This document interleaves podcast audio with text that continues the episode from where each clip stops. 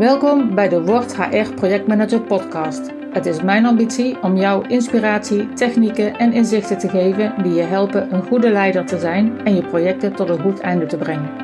Dat doe ik door praktische kennis te verbinden met zaken als energie, mindset en spiritualiteit. Want leiderschap werkt van binnen naar buiten. Ik zie je.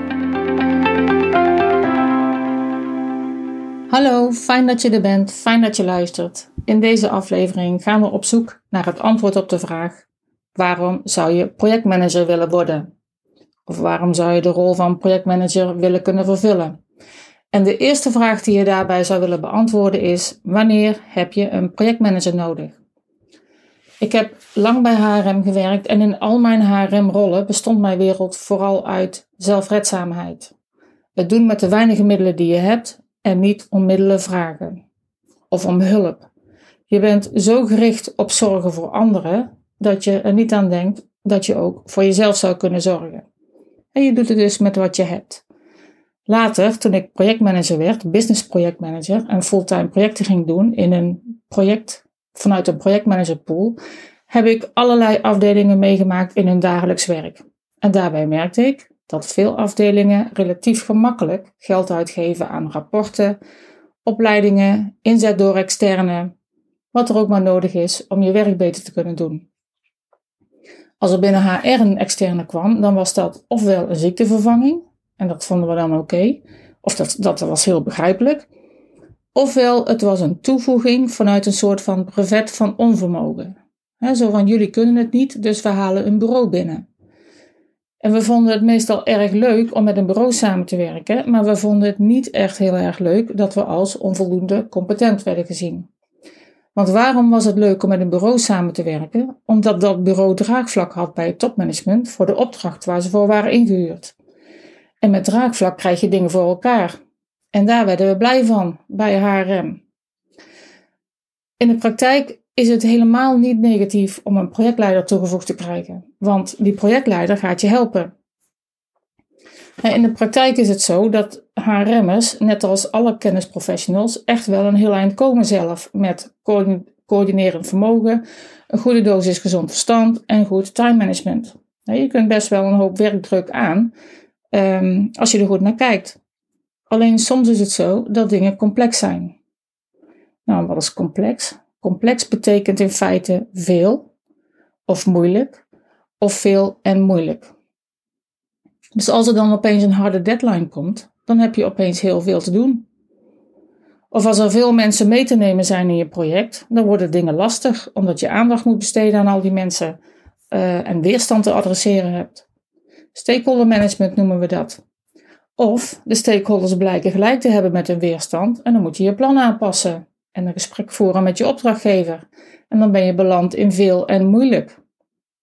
En in dat soort gevallen helpt het als je een projectleider vraagt om te helpen. En dat zien we ook bijvoorbeeld in uh, agile samenwerkingen. Binnen agile is er in principe geen plaats voor een projectmanager. Je hebt in de basis een product owner en een team met een scrum master. Maar soms is de inhoud te complex. En dan voeg je een business analyst toe al dan niet tijdelijk. En dat is dan in uh, informatievoorziening omgeving. Hè? Als, als het een agile HR-team zou zijn, dan zou je een specialist toevoegen. Als de inhoud te complex is. Soms is het stakeholderveld te ingewikkeld. En dan voeg je een projectleider toe. Of soms is de product owner eigenlijk te onervaren. En dan helpt het ook als je een projectmanager toevoegt. En dat is meestal tijdelijk, want een projectmanager heeft per definitie een tijdelijke rol. Dus een projectmanager toevoegen kan gewoon heel fijn zijn. Al wordt het dan bij HRM niet altijd zo gebracht.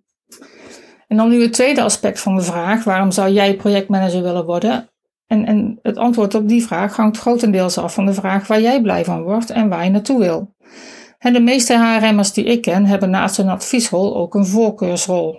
En die had ik zelf ook.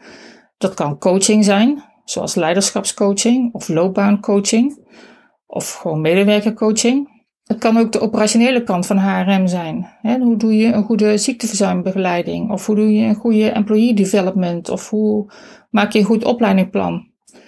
Of je vindt het leuk om beleid te schrijven. de juristen, je vindt het ook nog wel eens leuk om, uh, om een goed stuk te schrijven. En dan Schrijf ik bijvoorbeeld uh, een uh, procedure voor verlof of voor verzuimbegeleiding.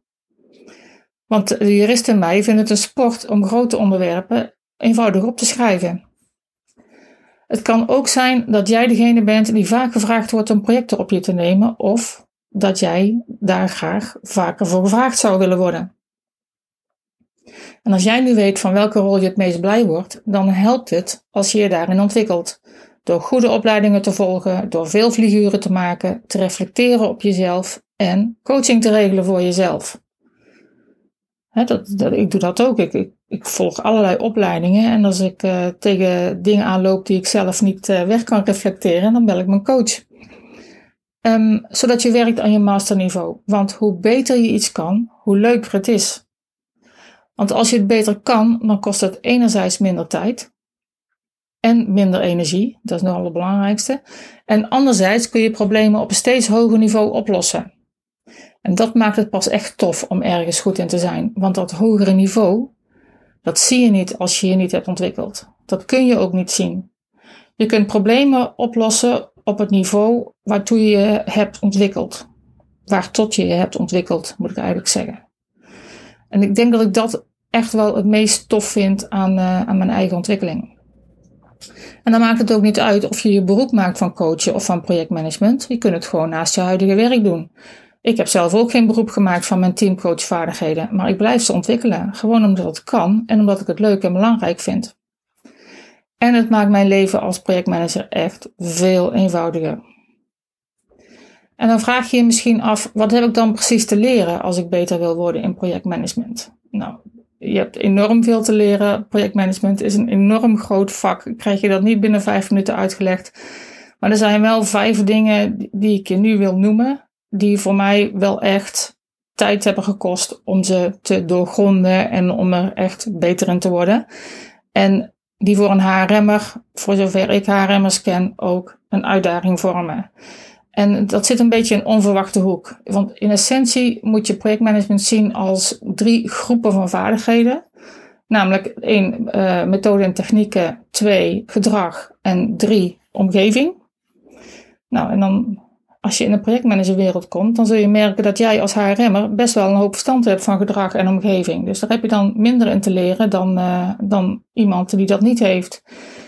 En toch dat lijkt zo in het begin en toch zijn er dingen die je aanvullend te leren hebt. Dus ik noem er even vijf. In de eerste plaats natuurlijk praktische project- en verandermethoden en technieken. Hoe bouw je een team? Hoe maak je een plan van aanpak? Hoe maak je een planning? Hoe maak je een einde aan je project? Al dat soort dingen. Hoe richt je een stuurgroep in? Hoe ga je om met de stuurgroep? Al dat soort vragen. Dat zijn praktische project- en verandermethoden en technieken. Ten tweede is, uh, noem ik, werken met zelfvertrouwen vanuit niet weten. Nou, dat, is, dat wordt je al ingewikkelder, hè? want als HRM'er heb je gewoon je eigen werkgebied en je, je eigen taal en iedereen begrijpt elkaar en er is, er is veel duidelijkheid.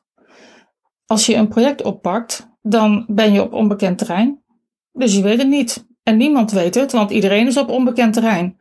Maar ze kijken allemaal naar jou, want jij bent de projectmanager. Dus jij weet het. En in het begin is het ook vaak zo dat jij de, meeste kennis opbouwt van het project, want jij gaat met iedereen in gesprek.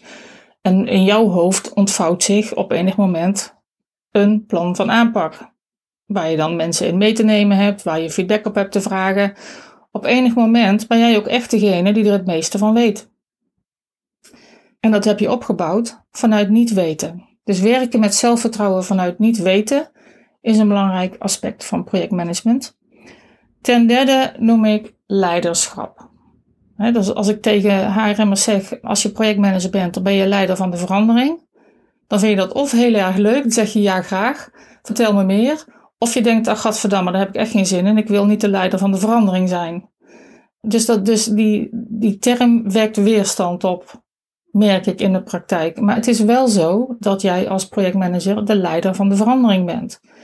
Je, hebt, je bent benoemd of ingehuurd door een opdrachtgever die een vage notie heeft van, uh, nou, ik wil een vitaliteitsplan of ik wil een nieuw arbo-bureau of hè, ik, ik, wil van alles. Maar ik heb op zich niet veel beeld bij hoe dat zou moeten. Daar heeft hij dan nou juist die projectleider voor aangenomen. Dus jij bent de leider van de verandering, niet alleen naar de organisatie en naar je team, maar ook naar de opdrachtgever en de stuurgroep. Dus je hebt positie in te nemen. En de positie is, jouw positie is dat jij de leider bent, dat jij niet per se het antwoord op alle vragen hoeft te zijn, maar dat niemand iets doet tenzij jij het organiseert. Nou, dat kan soms heel vermoeiend zijn, maar het is ook wel een handige positie. Je kunt ook advies vragen aan de hele wereld. Je hoeft het allemaal zelf niet te bedenken, maar je moet het wel organiseren. Dus de positie van leider innemen is een belangrijk aspect. En op vier, dat heeft er ook heel erg veel mee te maken, is blijven staan. Gewoon blijven staan, zeggen nee, dat is geen goed idee. Punt, en dan niks. Als je HR-adviseur bent en ze luisteren niet, dan uh, dat, dat kan hè, want jij bent adviseur, jij bent niet verantwoordelijk voor een bepaald uh, onderwerp. En daar kan je dan vrede mee hebben. Je kan het irritant vinden dat ze niet naar je luisteren, maar het, het hoort wel bij jouw positie dat van adviseur en van staf dat mensen niet per se naar je hoeven luisteren. Tenzij ze de wet gaan overtreden, hè, maar vaak uh, gaat het daar dan niet over. Dus als HR-adviseur klopt dat, maar als HR-projectmanager of als projectmanager in het algemeen heb je een opdracht aangenomen en als jij aan alles voelt dat iets niet kan, dan heb je te blijven staan.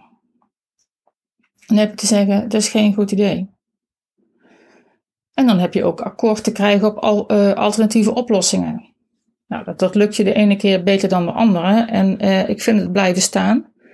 En, en, en, gewoon soms zeggen nee, zonder mezelf te verklaren. Of zo, door zomaar te zeggen van, dat is geen goed idee. En dan mensen dan het van je aannemen, omdat ze aan mij zien dat ik het zeker weet en dat ik het uh, uh, ook kan onderbouwen.